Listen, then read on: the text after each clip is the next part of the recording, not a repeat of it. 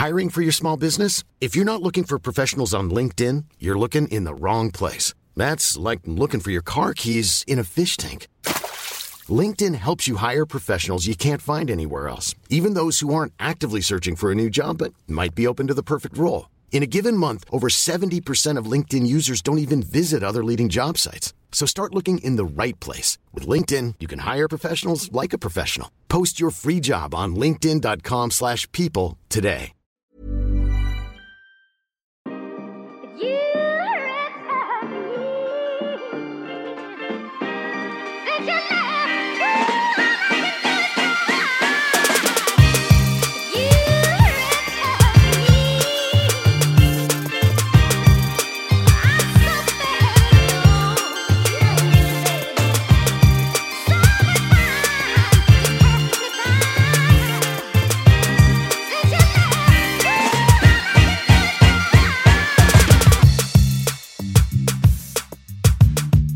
Hej hörni, det här är Asabia. Snart ska ni få lyssna på del två av eh, avsnittet med Maria och Tyrkan där vi pratar om deras bok Känn ditt barn som handlar om föräldraskap de första två åren och hur man har ett lyhört föräldraskap.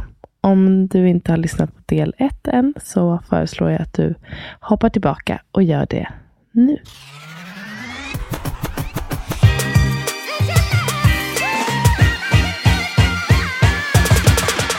Nu, en fråga från Opo. Nu ska jag erkänna att jag faktiskt inte läst den här delen av boken. Heter det allföräldraskap? Har Mm, skrivit något om det? mm. Okej, hon skriver allföräldraskap tyckte jag var väldigt intressant att läsa om.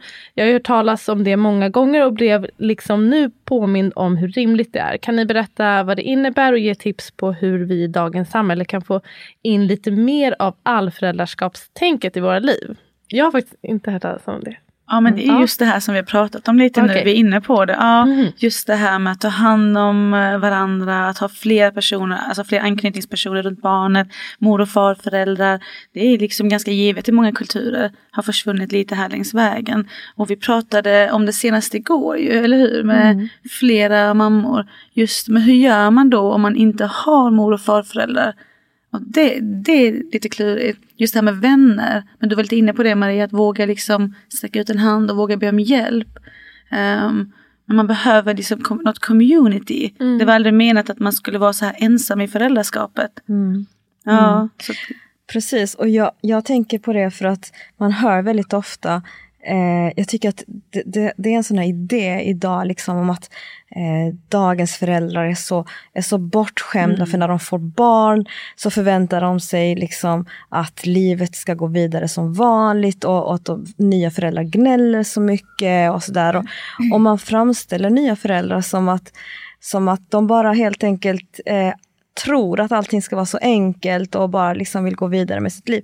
Men, men samtidigt har vi aldrig någonsin i världshistorien varit så Mm, ensamma.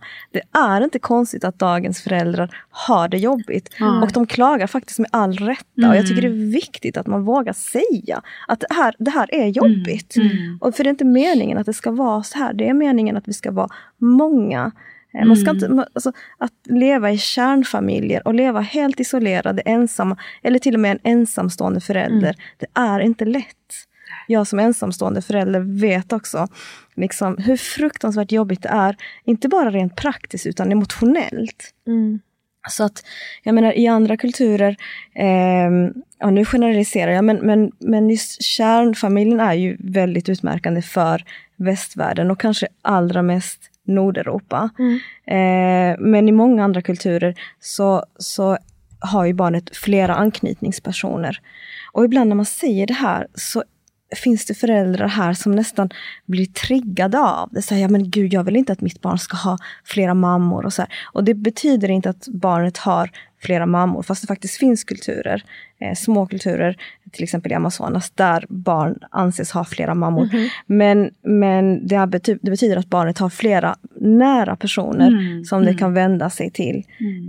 eh, under sin uppväxt. Det vill säga alltså, mormor, moster och så vidare. Mm. Och som Mm. det också eh, ammas av. Och det har ju Mm. ni också erfarenhet av, eh, Mm. Asabia. Jag tänkte precis Ja. på det när du sa det där med att känna sig hotad. Eller vad man ska säga. Eller man känner sig, ja men Mm. hotad är det väl.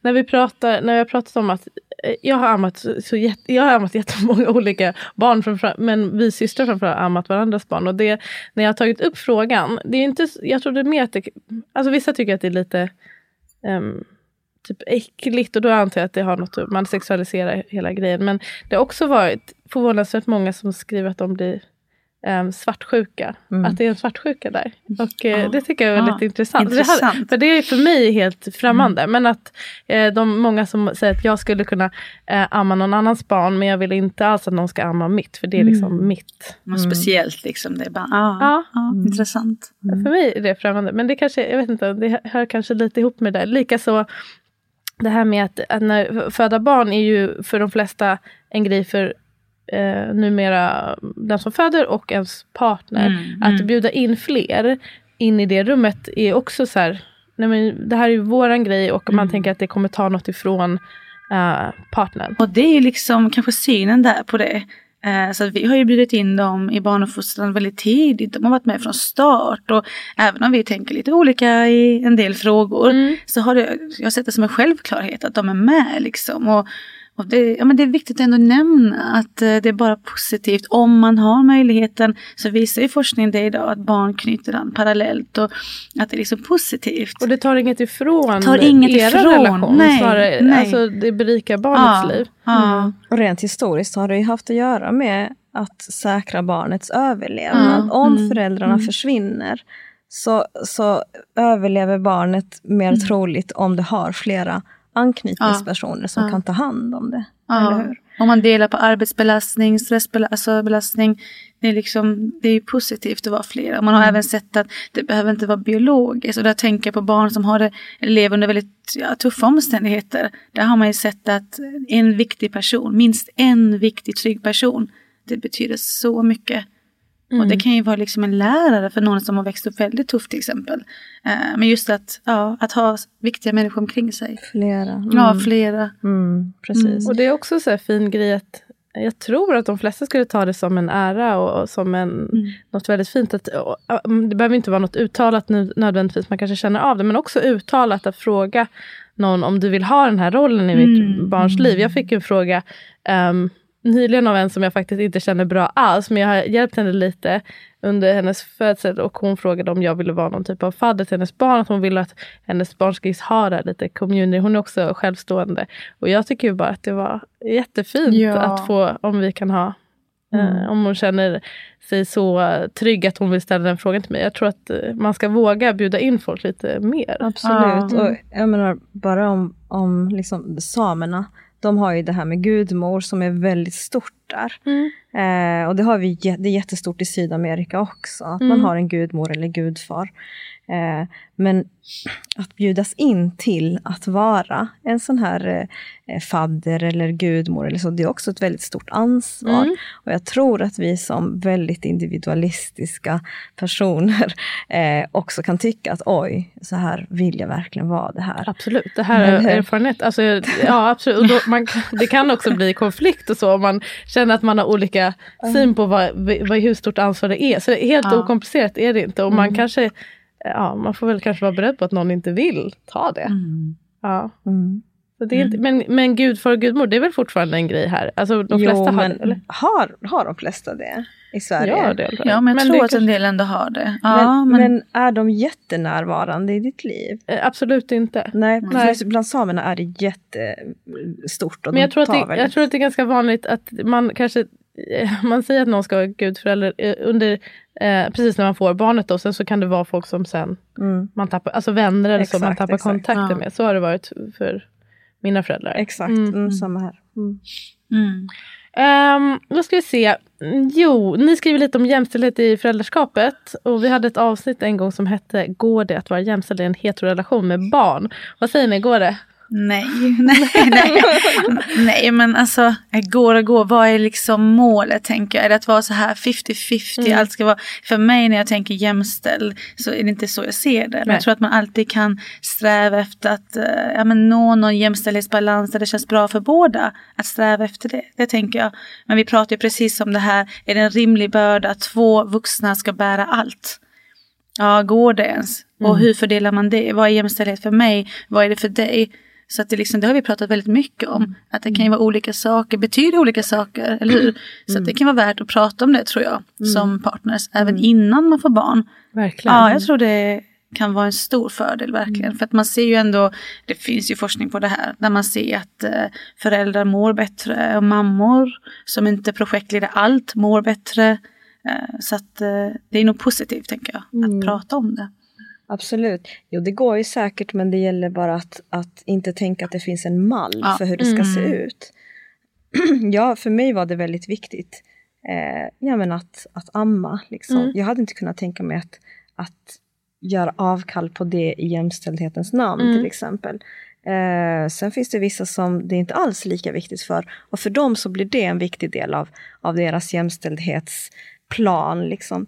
För mig så var det annat. Att då var det liksom att min exman då tog hand om mig och tog hand om liksom hemmet mycket mer medan jag bara fokuserade på att amma för att det tog väldigt, väldigt mycket tid. Eh, men sen eh, liksom när, när tiden gick så jämnades ju det ut och gjorde vi ju båda två eh, liksom lite mer av hushållsarbete till exempel. Exakt, jag tycker att det är en sån viktig grej också. att Det kanske får vara en speciell tid också i början. Ehm, och att det inte behöver sätta tonen för hela föräldraskapet. Alltså föräldraskapet Ja. är långt. Liksom. Ja men precis, det tänker jag också på. Det var därför när jag sa så här nej i början. För att Mm. det är så många föräldrar jag pratat med. Så där man går in med en plan. Mm. Bara så här ska det vara. Och så tar man fram en checklista. Och då kan det liksom bli, det kan krocka ganska mycket. Mm. Och så barnet vaknar varje timme. Och om man då väljer att amma som Maria sa. Då kan det bli lite svårt att få ihop allting där i början. Men jag tänker att eh, så länge man strävar efter det och kämpar för det. Så tror jag man hittar en balans eh, förhoppningsvis. Mm, Ja, precis, och det ja. behöver som sagt inte vara nödvändigtvis 50-50. Nej. Ehm, ja, ska vi se. Kamrat, ni skriver så här. I Kamratposten fick barn mellan 8 och 14 år frågan vem de helst vänder sig till när de är ledsna. 46 procent svarade att det är mamma de helst vänder sig till och 22 procent pratar hellre med en kompis. Hela 17 procent svarade att de inte pratade med någon alls och bara 7 procent eh, pratade helst med pappa. Ehm, att så få prata med pappa så förvånade mig inte så här jättemycket. Men att hela 17 procent eh, inte ville prata med någon alls berörde mig. Eh, kanske för att jag själv kunde känna igen mig i det. Jag tror inte jag heller pratade med någon direkt. Varför det? Ja, varför det? Trots att mina föräldrar och väldigt fina personer försökte väl sitt bästa med att få mig att prata om saker med dem på sitt sätt. Men jag upplevde inte att jag kunde prata med allt med dem, inte alls på något sätt. Och jag var också ganska tajt med mina syskon och så, men jag pratade inte heller med dem. Men jag tänker, ehm, vad har ni, har ni något, nej, okej ni ger inte råd, men om ni låter mig titta inåt, vad, vad, eh, vad kan man göra för att eh, förhoppningsvis, jag hade ju velat att mina barn skulle känna att de kan vara öppna med mig och visa sina känslor med mig på kanske ett annat sätt än vad jag kunde med mina föräldrar. Ehm, och jag tänker ju att jag gör det genom att vara accepterande till det de eh, säger och känner och att man får känna allting hemma och liksom att jag också försöker vara lite sårbar med dem och visa att jag också inte är en liksom felfri människa. Ja, Mm. jag tror att du har receptet där Ja. faktiskt. Jag tror att det är väldigt viktigt det du säger. Att vara accepterande. Alltså när, när barn känner att man inte kan hantera det de säger, att man inte kan hantera det de har att berätta. Det är då de börjar hålla inne eller ljuga. Eh, eh, så att, att känna liksom att här, här är alla mina känslor tillåtna, både ilska och både liksom sorg och, och glädje och allt det jobbiga. Att de vet att man är där och, och tar emot det här. Mm. Eh, och det börjar redan när de är bebisar. Liksom. Eh, att man inte försöker tysta dem. när, de, när de uttrycker någonting som, som är jobbigt, som de kanske inte uttrycker med ord. Mm. Men eh, genom gråt eller genom känslor, känsloutbrott eller vad som helst. Att man är där och tar emot det så här.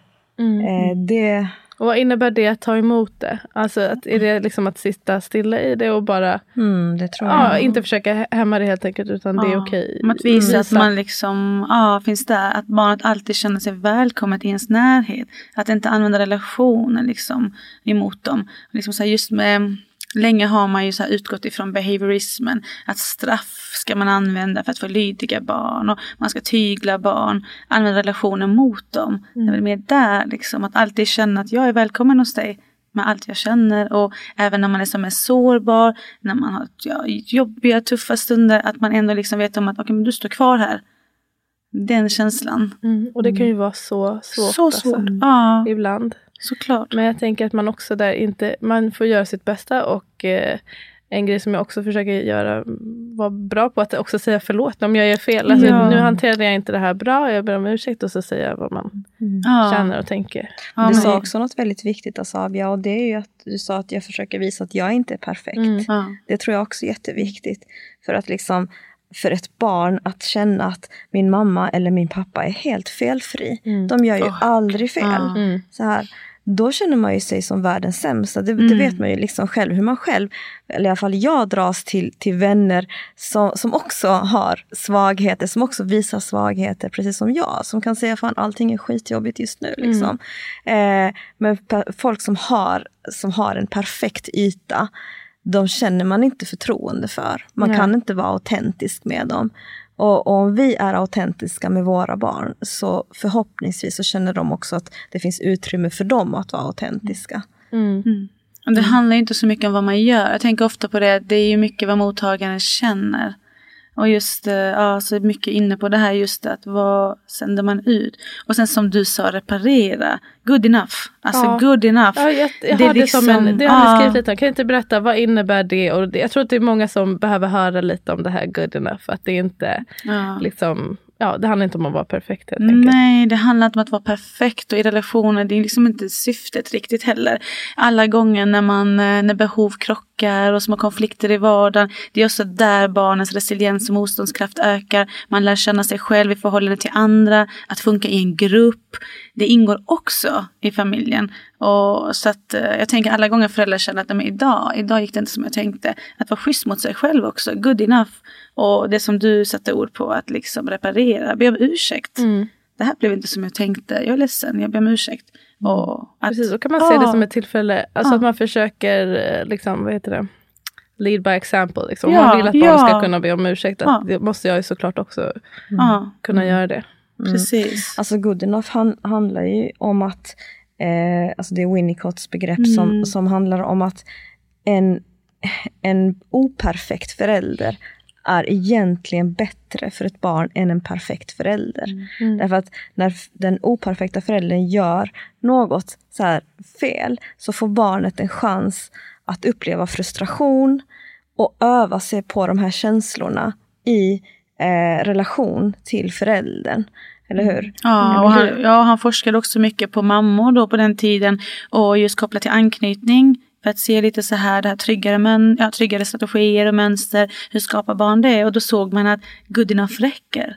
Mm. Tillräck ett tillräckligt bra föräldraskap. Mm. Inte ett perfekt där man liksom gör rätt hela tiden. Och inte bara att det räcker ja. utan egentligen är bättre. Ja, bättre. Eller hur? Just, ja, just det här ja. för att vi vill inte ha föräldrar som aldrig gör fel. Nej. För då får man aldrig en chans att mm. uppleva liksom, eh, frustration eller mm. och man, får, man får aldrig en chans att se se folk göra fel och sen reparera misstagen. Mm. Eller hur? För det är en viktig grej. Att som barn lära sig att okej, okay, när, när allting går fel, när någonting inte blir som det ska, hur reparerar jag det här? Mm. Hur ber jag om mm. ursäkt?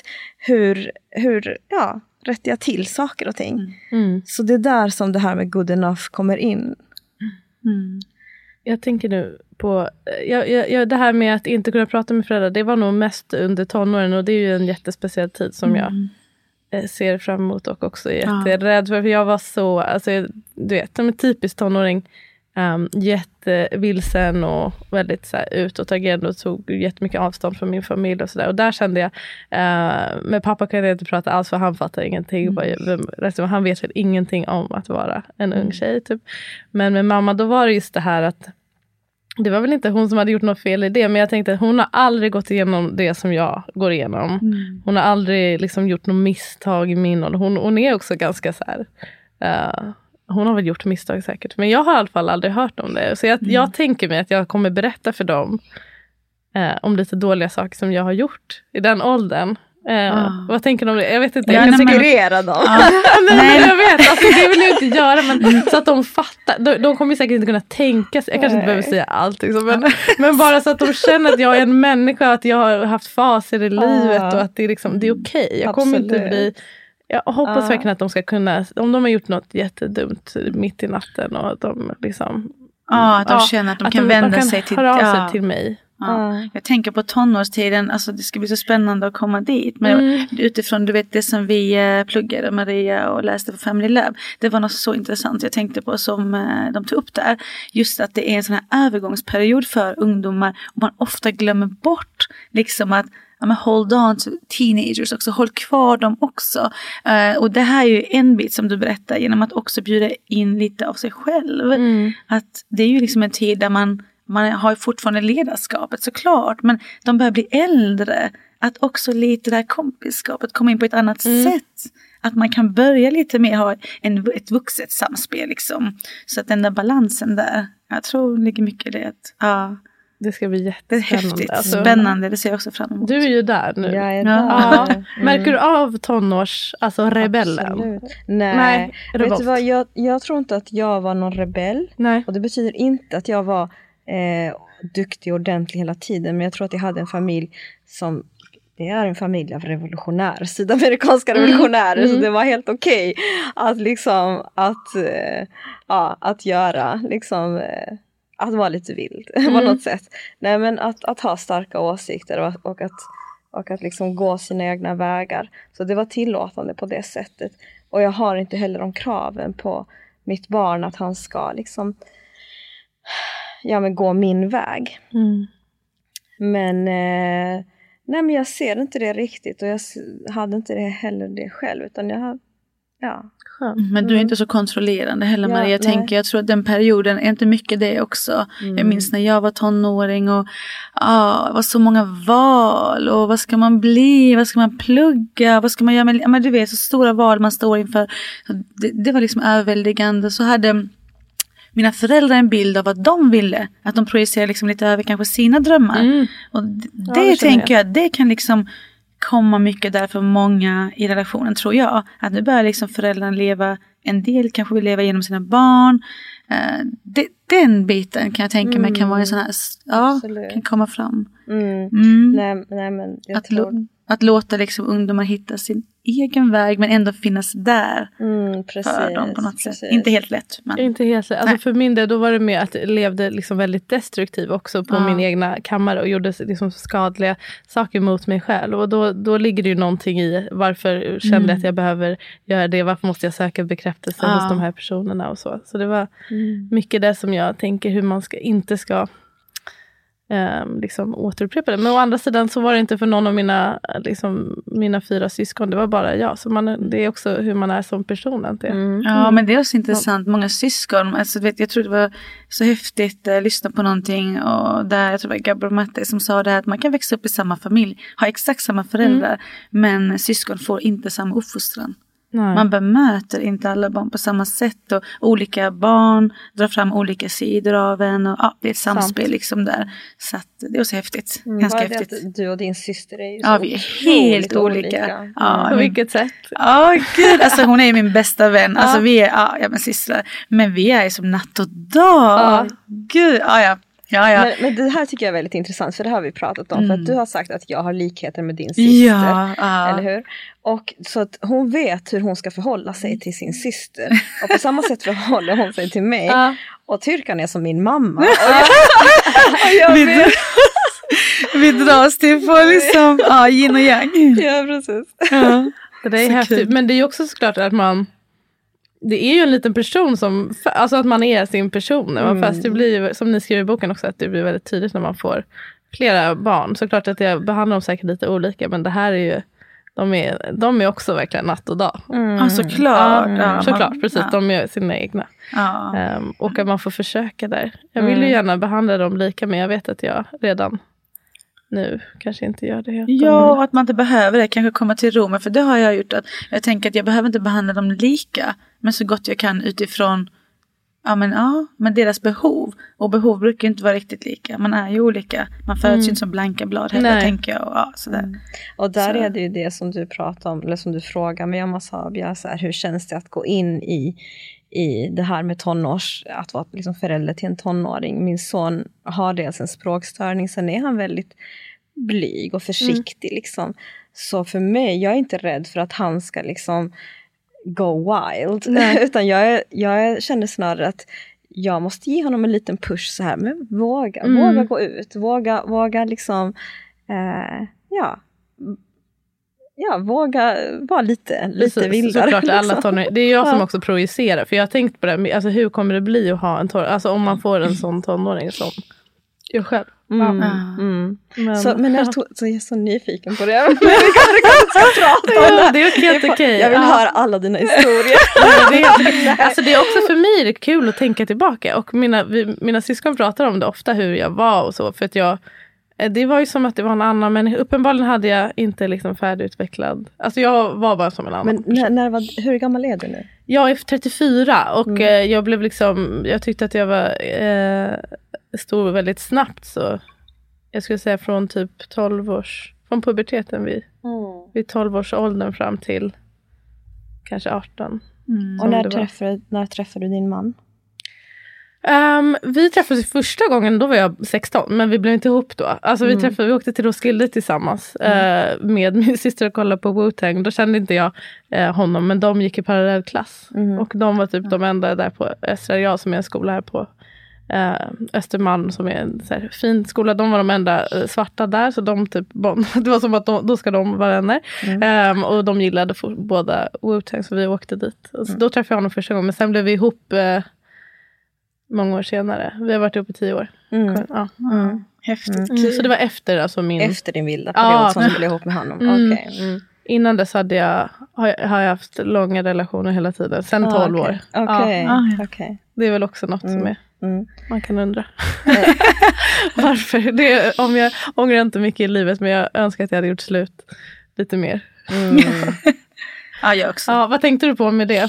Nej, bara intressant liksom när, det, när, det, när den här tonårsrebelliska tiden gick över för dig och så. Mm. Och vad det var som gjorde att det... Att det, gick ö- men det var nog faktiskt, det började nog gå över för att min eh, mamma, inte skickade mig, men jag var tvungen att följa med henne när hon flyttade till Uganda och hon ville att jag skulle skiljas från lite kompisar som jag hade här. Så vi bodde i Uganda, jag och hon, och jag gick på hem, jag blev hemskolad i ett år när jag var 15. Ja. Ehm, så då kanske det började bli faktiskt, det, det var ett stort skifte för mig. Ja. Men vad var det som hände i Uganda då? Var det att du... Alltså gud, jag var vild i Uganda också. Hon vet. Jag har sagt det till henne. Jag har sagt det till henne nu i efterhand. Att jag, liksom, ja, jag gjorde också saker i Uganda kanske som hon inte hade accepterat. Men eh, det som hände var väl framförallt att jag tappade lite kontakt med folk här hemma som var inte mitt bästa inflytandet på mig tror jag. Ja. Mm. Ja. Och jag tyckte också om att vara hem, hemskolad. Mm. Ja. Typ få göra min egen grej. Mm. Ja men det där med kompisar tänker jag mycket på just det här med hur mycket kompisar betyder också kopplat till återigen det vi pratade om innan. Det här med kollektivet, familjen har varit så stor del länge men i så här små kärnfamiljer, alltså jag upplever att i Sverige så blir kompisar så mycket viktigare. På gott och ont såklart. Men just ungdoms tonåringstiden där när, ja, när det händer mycket och man ska hitta sig själv. Det. Ja, ja, det kan lätt bli så att kompisar betyder Ja, allt. Det blir som då- en nya familjen nästan. Ja, Mm. och, där, och det är inte riktigt relationer som är så stadiga riktigt. Nej. Så att jag vet, ehm, det finns ju en eh, ja, men psykolog, Gordon Neufeld, han pratar ju mycket om det här peer connection och hur, eh, hur det påverkar. Så att det är mycket, han pratar mycket om det här som vi pratar Vill om du nu. berätta vad peer Mm. connection är? Ja, men just att man knyter an mer till vänner än till vuxna som kan liksom ta på sig ledarskapet och vara trygga och, hur det påverkar. Och det är lite på det här sättet. För att andra barn, andra ungdomar kan ju inte riktigt vara den trygga hamnen Nej. för en. Och då kan det yttra sig liksom i ja, olika destruktiva beteenden. Och så. Det är spännande, spännande, intressant. Men vi har, vi har ju liksom, som vi pratade om tidigare, alltid en önskan om att höra till någonstans. Mm. Och det är därför så många ungdomar eh, börjar tillhöra en subkultur till Mm. exempel. Nu vet jag inte om det finns så mycket subkulturer nu, men när jag Mm. var ung på Mm. 90-talet så var man ju liksom ja, men punkare, syntare, hårdrockare eller någonting sånt. Mm. Liksom. Eh, och om man, man ville tillhöra, och det är nästan som att tillhöra en liten tribe, eller hur? Ja. Mm. Och, ehm, och det, det, har ju, det har ju liksom barn ett, ett behov av. Men jag har pratat med folk som alltid har haft väldigt fina och nära relationer till sina föräldrar. Och som har inte bara haft sina föräldrar som, som föräldrar utan också som kompisar. Mm, Liksom. mm. Ehm, och de har inte känt samma behov liksom, av att, av att liksom... Ja, det är intressant det där. Ja, jag höll på, jag vet när jag var 15, ja, då började så här, ja, andra saker började bli roligt. Mina föräldrar bråkade ganska mycket just den perioden. Vi har, haft ganska, vi har väldigt bra relation, men när de bråkade mycket innan skilsmässan, då blev ju såklart, det blev mycket fokus på dem. Mm. Och då vet jag att eh, vänner börjar bli mer intressant och nya vänner och kanske inte de som eh, ja, tog inte fram det bästa i mig. Nej. Ja, så. Och, eh, men där fångade pappa upp mig tidigt. Så. Och det var bra tror jag. Jag fick inte, ja, det var liksom, fick prata mycket och fick inte umgås med en del. Och det hjälpte mig mycket för jag tror inte det hade ja, varit så bra för mig faktiskt. Nej. Umgås med dem när jag tänker tillbaka. Mm. Men eh, mm, Det är intressant att säga det för då tänker jag på något, min, alltså, var, min mamma är fantastisk på, på jättemånga sätt, hon har varit en jättefin förälder för mig men mm. det är som en grej som hon ofta sa till mig att så här, ja, mm, I'm not your friend sa hon till mig hela tiden. Ja, Mm. och det var inte, det är mer, för, hon menar på att vi, alltså vi har inte den kompisrelationen, jag är Ja. din mamma och, det- och det var väldigt tydligt att så här, vi är inte. Kompisar. Att det är en Mm. gränsdragning där. Okej, det var inte heller något som jag tänkte att jag saknat. Men det kanske är något just också att jag inte kände att jag kan inte prata med henne som kompis. Jag kan inte prata med henne om allt det här. Exakt. Andra. Mm. Så var det med, med mig. Min mamma sa exakt samma Mm. sak till mig. Så här, jag är din mamma, jag är inte din kompis. Ja. Och, jag, och då lät det som att ja, det är så det ska vara. Ja. Men så, så nu tänker jag så här, varför? Ja, Man men kan exakt. vara både mamma och Då kompis. har du faktiskt Ja. rätt. Det har, jag- det har jag, inte, jag har Mm. inte tänkt på det på det sättet på länge. Men det sa hon verkligen. Ja. Särskilt när man blir sådär äldre, tänker jag så här det vuxna samspelet. Jag minns eh, när jag var så här, det var- väl där kring 16 och, och min mamma, ja de började prata om sex och allt vad det var. Och då sa hon att men nu börjar du bli äldre, nu kan du komma till mig med andra saker också. Och jag är även din vän. Och så minns jag första gången jag började öppna upp mig, så? var 16 där Ja. omkring. Och jag bara, ah, ja! Och började berätta om massa grejer som hon inte ville höra egentligen. och jag minns hennes blick och hon bara Gud, va? Har du gjort allt det här? Va? Men vad fint att du kunde säga Ja, det. och jag minns hennes Ja. blick. Jag bara tänkte, åh, gud, skulle jag inte berätta de här sakerna nu? Gud, eller- vad hade du men, gjort? Nej, men, nej, nu ska vi chilla lite. Nej. Men, eh, ja, så, men det var ändå, jag tyckte det var liksom, ja, jag tyckte det var nice av henne att ändå försöka. Hon, hon såg liksom att okej, nu är hon börjar bli en vuxen kvinna. Ja. Och, ja, Kände du eh, att du kunde fortsätta prata då även fast du såg på henne att hon var förskräckt? Liksom? Ja, alltså det, var, det tog tid. Jag tror hon behövde också tid att landa i vissa saker som jag berättade. Ja. och lite så. Eh, Men, ja, men ändå, det, det känner jag nog så småningom att vi har liksom, ja, eh, inte allt kanske, men jag, först, jag kände att jag kunde öppna mig. Och pappa, framförallt, alltså pappa, min pappa och jag pratar om allt.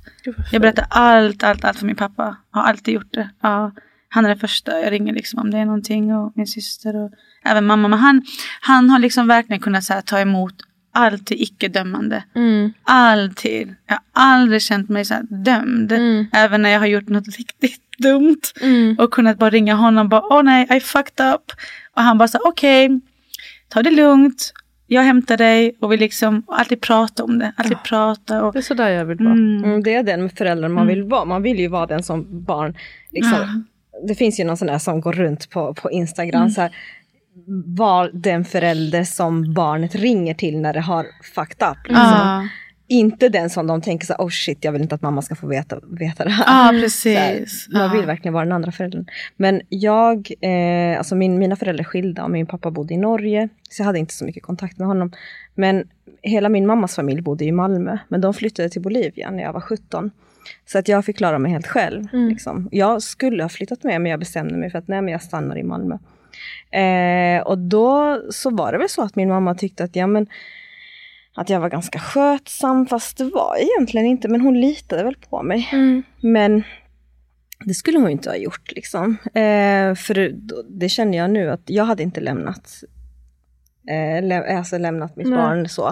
Eh, och nu, ja, det Nej men jag vet, alltså det är ju inte något. Ja, nej, alltså, hon gjorde man- sitt bästa precis. och... eh, Ja, men det är det som är så Precis. fint, att kunna se tillbaka på sin barndom. Det är det, här, det, det är det som är så vackert. Att det handlar inte om att så som de inte dömer oss, man dömer inte sina föräldrar. Nej. att Nej, kunna se tillbaka på en barndom som inte är fullkomlig, perfekt, men alla gör sitt bästa. Mm. Det, det är och det, det är verkligen som... Ja, insikt också när man blir förälder tycker jag. Alltså, att jag inser hur mänsklig faktiskt Ja. min mamma framförallt Mm. hon är.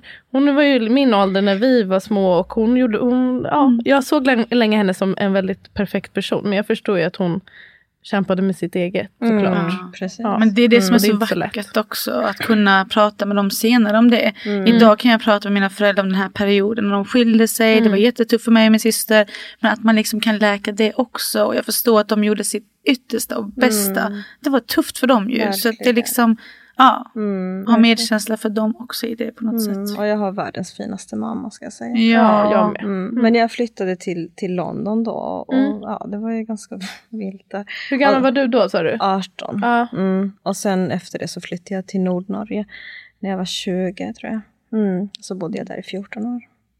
Mm. Mm. Ja, mammor och pappa. Ja. Jag, jag eh, tänkte på det, att du, din mamma sa så här, nu kan du prata med mig om allt. Jag tror att mamma, nu pratar mycket om min mamma, det är bara för att pappa var inte liksom, han hade verkligen svårt för att närma sig just det. Min pappa är också mycket äldre, han var 50 när jag kom. Jag tror för honom eh, var allting väldigt främmande. Liksom. Han Ja. var, vågade knappt eh, liksom, prata med mig, också när jag var väldigt avig. Liksom. Men mamma försökte verkligen på sitt sätt. Hon sa nog också att du kan, du vet att du kan säga allt till mig. Men jag fick också känslan av att nej, du, ko- du kommer inte kunna hantera allt. Alltså jag tror som du säger, Ja. när man väl säger det då tror jag att hon skulle vara förskräckt. Jag kommer ihåg att hon också, när jag var 18 så tog hon upp så här, fråga om typ, alltså preventivmedel och om man börjar sex. Ja. Jag, bara, alltså, jag kan säga att det var lite sent.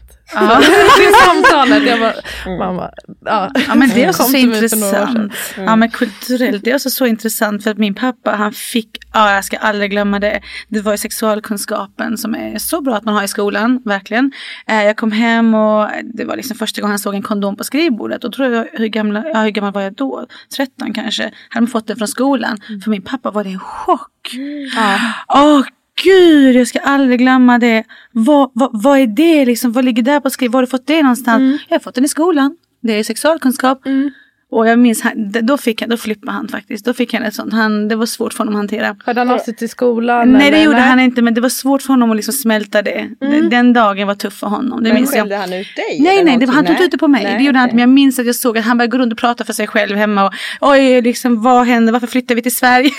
Mitt barn. Ja, men du vet, han blev ju Mm. jätteorolig och rädd. Men sen när man liksom, mamma pratar med honom och, vi, och lugnar honom och han förstår att det här är positivt. Mm. Det här är bra. Ja. Ja, så att eh, Jag han känner igen ändrar sig sen. Mycket. Jag jobbar på ungdomsmottagningen förut i Kista som ett område med många olika kulturer. Så det, det jag höll i sexualkunskapen, där är ju verkligen också Ja. det kan vara ju väldigt svårt för föräldrarna att acceptera. Och att det, att det blir som att man försöker pusha barnen till att göra liksom, Ja. sex och göra dåliga saker. Men Ja, så att, eh, ja. Det blir en stor kulturkrock, Ja. förstår jag. Asabia, var kommer din mamma ifrån? Ghana. Okej, Mm. vad pratar ni för språk hemma? Vi pratar engelska Ja. med henne. För hon, är också, hon har bott en stor del av sitt liv i England. Men också för att man pratar engelska. Jag kan, jag kan inget mer språk tyvärr. Mm. Hi, I'm Daniel, founder of Pretty Litter. Did you know cats tend to hide symptoms of sickness and pain? I learned this the hard way after losing my cat, Gingy. So I created Pretty Litter, a health monitoring litter that helps detect early signs of illness by changing colors, saving you money and potentially your cat's life. Pretty Litter is veterinarian developed, and it's the easiest way to keep tabs on your fur baby's health right at home. Go to prettylitter.com and use code ACAST for 20% off your first order and a free cat toy. Terms and conditions apply. See site for details.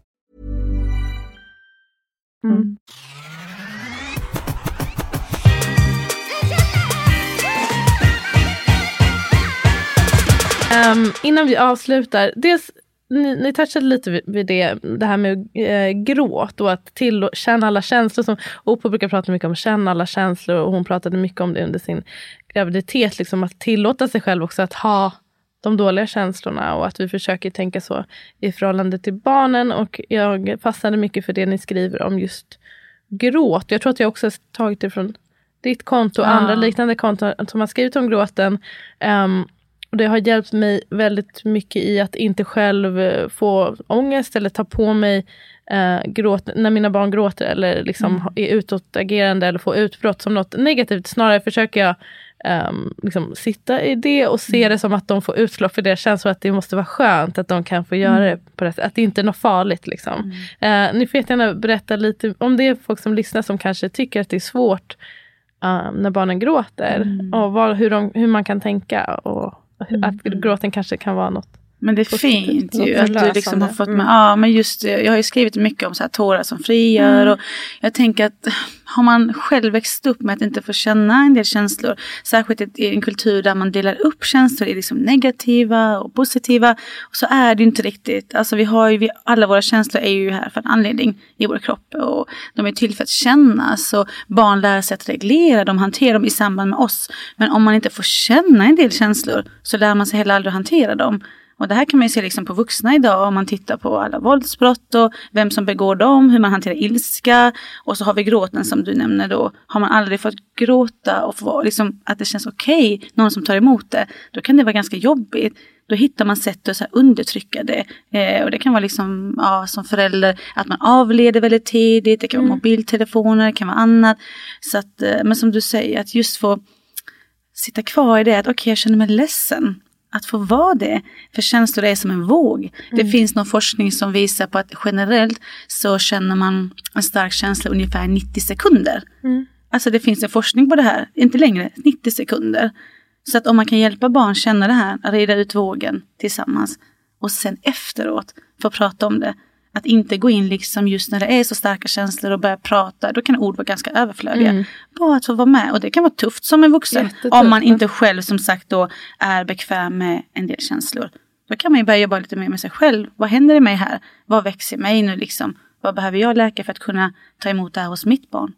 Det börjar ju ofta med en själv, tänker jag. Men det är viktigt att poängtera att det är en viktig skillnad mellan att låta barn gråta ut eh, som i cry it out med Ja, ja, ja, ja, ja, ja, det. gud, ja. Alltså Ja, att, just att, det. att man inte lämnar barn gråtens. Ja, okej, du, du gråter, okej, ja men jag går en stund och så kommer jag nej, tillbaka när du nej. är färdig med det. Det är en sak, Ja. så ska man inte göra Nej. helst då, liksom.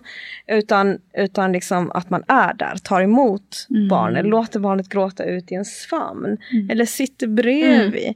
Och jag vet att när mitt barn var liten, nu han ju stor så nu har jag inte utbrott, men när han var liten och hade utbrott så kunde han ibland säga gå. Ja. Kunde han säga. Och jag, Min visste, jag visste inte vad jag skulle göra då. Men sen så pratade jag med honom när han inte hade utbrott. Så pratade jag med honom så här, när du säger så, vill du verkligen att jag ska gå? Och då sa han, nej jag vill att du ska sitta bredvid mig. Mm. Eh, och då ville han till exempel att jag skulle sitta bredvid honom eh, i hans rum, eller var, var, där han nu var, liksom, och sitta på golvet med honom.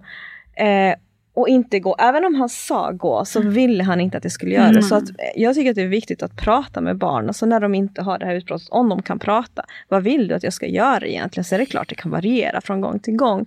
Men att inte alltid ta det som, att, som ett avvisande, liksom. Att när barnet säger att, att det inte vill ha det, så betyder det inte alltid att, att de inte vill det. Utan det, kan, det kan vara att de kanske inte vill, vill att man ska vara på dem just, men att man ska sitta bredvid. Liksom, Ja, och, och höra deras gråt, liksom, vill de ibland. Ja, jag tänker på Ja. det som du sa, att inte ta saker personligt. Eh, alltså vi vuxna. Och just när de har utbrott, att inte lämna dem ensamma. Ändå respektera deras integritet. Det kan vara ett äldre barn som säger gå, jag vill vara i fred. Och det får man respektera såklart. Men som du sa, att finnas till i närheten. Och visa att ja, men jag finns här. Liksom så. Att, eh, ja. För det där känner jag igen mycket. Då kan, eh, min fyraåring han kan ofta säga gå. Men sen så om jag då försöker gå då, vill, då, då typ håller han fast mitt ben. Fast sen vill han att jag ska gå. Inte så, Ja. jag har förstått det som, så nu gör jag så, precis som du säger. Alltså jag sitter bara där sen så inte pratar så mycket. Utan, och han kan få riktiga utbrott. Det- Nu är det sällan men tidigare liksom verkligen hysteriskt. Och det har verkligen bara mindsetet av att så här, Eh, jag tänker nästan att, åh oh, gud vad skönt för honom att få ut det här. Mm. Det är jätteskönt, man vet ju själv att få, om man vill gråta ut det, det kanske känns liksom jobbigt i stunden men man är tusen gånger lättare efter. Precis. Mm. Och när du säger det här med att inte ta det personligt så, så handlar det också om att komma ihåg att barnet, gråter, alltså barnet har det här utbrottet och gråter ut med dig därför att det känner sig tryggt med dig. Mm. Det är precis som, som vuxna, till exempel man har varit, det har varit en jättejobbig dag på jobb, man har missat bussen, man har så här, eh, spillt kaffe, så här, chefen har varit jättejobbig och sen kommer man hem och så gnäller man för sin partner för det är den personen som man känner sig trygg med. Eller hur? Men det kanske har hänt massa små saker under dagen som gör att barnet får det här utbrottet. Och så till slut då så... så För inte det är supervanligt också att det går så bra på förskolan där. Alltid, han, Precis. han är så lugn och allting. Och så kommer man innanför dörren och det är liksom Ja. eh, panik. Mm. Och då tänker jag att det är ju så. Ja men nu får man, får man liksom vara sig själv och släppa Mm, allting. man har hållit ihop. Man har liksom. hållit ihop. Ja. Ja. Mm. Och sen också det här med känslomässiga bägaren som eh, Maria tog upp lite. Den är ju så olika hos olika barn. Att man lär känna sina egna barn. Okej, hur mycket intryck klarar mitt barn av? Det kan vara lite olika hur robust man är och hur länge. En del barn efter tre timmar redan. Det kan vara jättemycket med sociala interaktioner och man märker att det börjar bubbla. Och en del barn kan hålla ihop en hel dag nästan. Och så, Mm. så det är också lite olika. Att lära känna sitt barn. Ja, vad stressar mitt barn? Vad får man, ja. Mm. Vad, vad tycker ni om, eh, alltså, eh, på, på tal om att visa känslor, alltså att gråta framför barnen och visa sådana typer av svåra känslor framför sina barn? Ja, alltså jag, jag, jag, jag, ja, jag, tänk, ja, men jag tänker att eh, det är så lätt att barn tar på sig skulden för hur föräldrar mår. Mm. Så att jag tänker att barn ska inte vara en bägare Nej. som tar emot vuxnas eh, härbärgare vuxna. Det ska liksom inte vändas, bli någon parentified roll där. Nej. Men det betyder inte att man inte kan vara ledsen. Alltså det, att mina barn har ju sett mig gråta. Jag kan berätta att ja, idag det var tufft liksom på jobbet. Jag känner att jag behöver gråta. Mm. Men inte att man lägger över det liksom på Att man poängterar barn. att det här ja, inte är du. Alltså eller- i så fall, ja. att om det är en sån situation. Men jag, hade, jag brukar ändå tänka att jag väljer att vända mig till andra vuxna. När det gäller vissa känslor. Ja. Men eh, inte att det är liksom fel att visa, tvärtom. Men Att kunna. Ja. Och när man gråter sen efteråt säger jag, gud vad skönt det var att Ja. gråta. Det var så skönt att få ut det här, nu mår jag bättre. Så, så, och, och, och som du sa, förklara liksom att jag har haft det jobbigt idag. Det, det, Mm. Och ingen är perfekt liksom. Nej. Att i en familj alla känslor. Jag tänker man är arg någon gång som förälder. Bara att kunna sätta ord på det. Liksom att ja, jag, jag blev arg här, det blir så mycket för mig. Men det är inte ditt fel. mm. Det är liksom mamma som kände sig stressad. Jag ber om ursäkt. Men sätta ord på det. Man läser mycket på det också. ju. Ja. Jag, eh, jag brukar säga, alltså försöka säga lite innan, du vet när man börjar tappa tålamodet och jag blir irriterad och sådär. Att ja, nu börjar jag känna det här och vad det, vad, hur det känns i kroppen. Och du vet, ja, försöka visa att man, det går. Jag tänker med gråten, jag vill ju jag, jag gråter sällan numera faktiskt. Jag grät mycket mer tidigare. Men jag hade velat typ att de Ja, jag vill verkligen att de ska känna att det är okej att gråta. Framförallt för deras pappa aldrig gråter. Han har inte gråtit stackars sedan han var 12 år gammal. Han, är, han är 36 nu i veckan. Ja, och jag, och den grejen har varit så här. Ja, det sitter väl så långt in. Han kan liksom inte gråta. Nej. Nej. Och jag vill, gärna, jag vill absolut inte att mina, mina söner ska ärva det. Så det, på ett sätt hade jag velat typ att de kunde se sin pappa så sårbar. Men det går ju inte. Jag kan inte tvinga honom. Han kan liksom Ja, inte och det handlar inte bara om att gråta framför dem. Det som Nej, du pratade om innan. också att, känna, Mm. att, ja, att känna att man, man, ja, att man är en sårbar liksom, omgivning. Där man tillåts vara det som barn. Um, mm. Mm. Jag har till och med sagt till min son flera gånger att jag, jag, jag ser att, att du behöver gråta så här, och välkomnat honom till att gråta. Liksom. Och sen har han också själv sagt att eh, mamma jag känner att jag behöver gråta ut lite nu och så har han kommit till mig och fått gråta hos mig. Åh, liksom. Att få säga, säga det tycker jag är fint. Så att uppmuntra barn till att gråta tycker jag inte heller är fel. Liksom. Mm. Det var, alltså det, jag får upp minnesbilder av själv så här, ligga på min mammas bröst typ, och bara gråta ut. Även när jag har varit äldre och typ blivit dumpad och så. Det är, det är liksom det tryggaste man kan göra. Utan att hon säger någonting, bara klappar. Mm. Och det finns ju till och med liksom vetenskaplig forskning som, som visar att man mår bättre om, man, om man har fått lov att gråta. Men om man har fått lov att gråta i en tillåtande Ja. liksom, miljö, en tröstande miljö. Hur bra att du poängterar det där. Det är inte, handlar inte om att låta någon bara alltså, Överge. gr- överge och gråta ut. Att grå- gråt inte är liksom skadligt på det sättet. Utan mer att man på ett tryggt sätt ska få uttrycka sina känslor. Ja. Ja. Innan vi eh, avrundar så vill jag bara säga något kort om något som många frågar väldigt mycket om och jag har inte liksom, några svar där. Jag kan inte så mycket om det. Men det här med sömn och barn och våra förväntningar på barn eh, dygnsrytm och så skriver ni om en del i boken. Vill ni, om ni eh, tänker att det är många blivande föräldrar här och nyblivna föräldrar som är ganska stressade över det här med sömnen. Som ni skriver så är det ju något som man får väldigt mycket frågor kring. Så här, ja, men, um, det här med så här, sover den hela natten, att man fick, fick sådana frågor väldigt tidigt. Eller även nu, alltså mina barn sover inte hela natten. Jag har inte heller så, direkt någon sån ambition. Men jag tänker om ni vill um, skicka med några ord om sömn och vad man kan förvänta sig och mm. liksom vad som är normalt och inte. Ja, tyvärr så kopplar vi ofta sömn till prestation mm. och till och hur våra barn sover. Eh, och det är en sån sak som du säger, att man får höra det. Liksom, hur sover barnet? Så nästan som att man tror att det definierar en som förälder. Liksom, hur bra förälder man är om man har lyckats få barnet att sova hela natten. Men rent biologiskt så, så har ju barn en mer uppstyckad sömn. Eh, och att de sover, sover inte så djupt, eller mm. hur? Eh, och det har sina orsaker, behöver inte gå in på nu, och så det står också i boken. Eh, men, men att vi inte ska ha de förväntningarna på barn, att de ska kunna sova hela natten. Eh, för, för bara, bara genom att ha de förväntningarna så går vi in i, i att skapa ett problem mm. som egentligen inte är ett problem.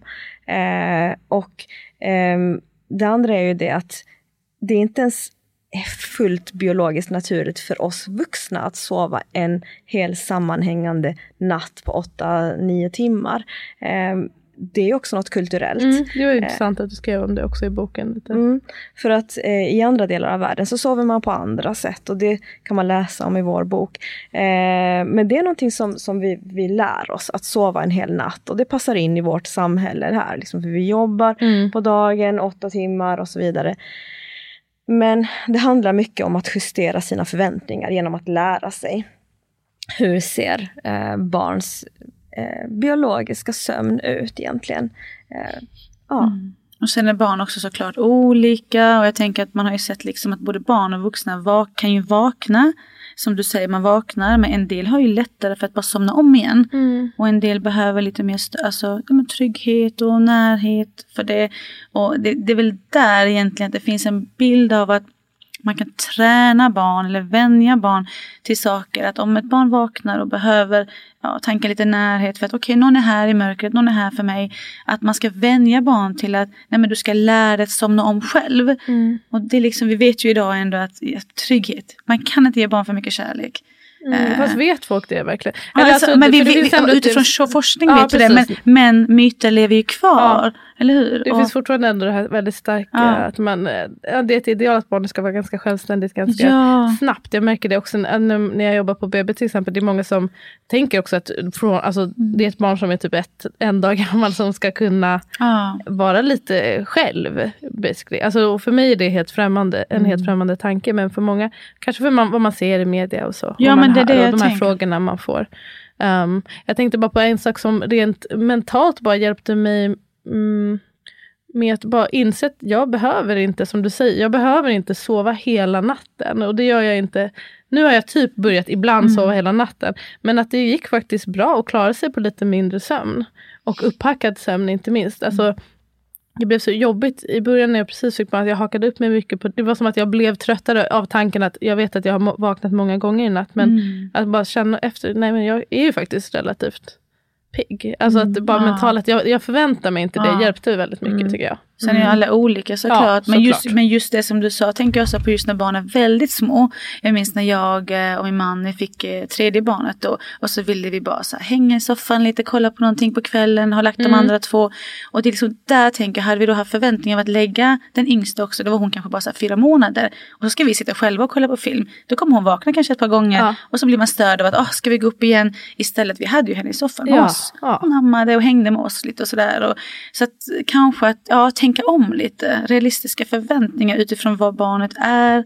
Alltså så mognadsmässigt. Ja. Precis som jag sa tidigare, att föräldraskapet är långt. Nu, det ja. är så här nu, det kanske ja. kan få vara så här nu. Och det betyder inte att det här är så här, livet är så här mm. nu. Att vi aldrig kommer kunna sova. Liksom. Mm. Precis. Men sen så finns det ju också den här uppfattningen om att eh, antingen liksom att, eh, att, att vi ska träna barn, men det motsatta är ju att man behöver inte göra någonting därför Mm. att barn sover oavsett. Liksom, det är någonting som är medfött och så vidare. Ja, det är det. Men det finns också sätt att att justera det här på, liksom till exempel genom att eh, få melatoninproduktionen igång genom att släcka ner Mm.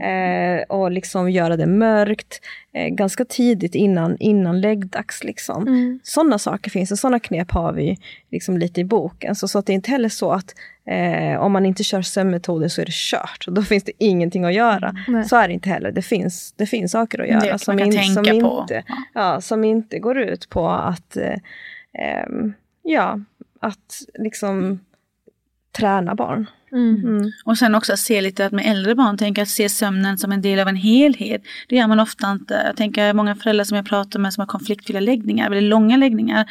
Okej, men hur gör vi här nu, just med det här? Men att också se lite vad händer under dagen, när vaknar barnet? Hur mycket har man rört på sig? Hur mycket har man fått ja, men leka fritt? Och, ja, men du vet, hela, att det hänger ihop, dagen hänger ihop med natten på något sätt Mm. också.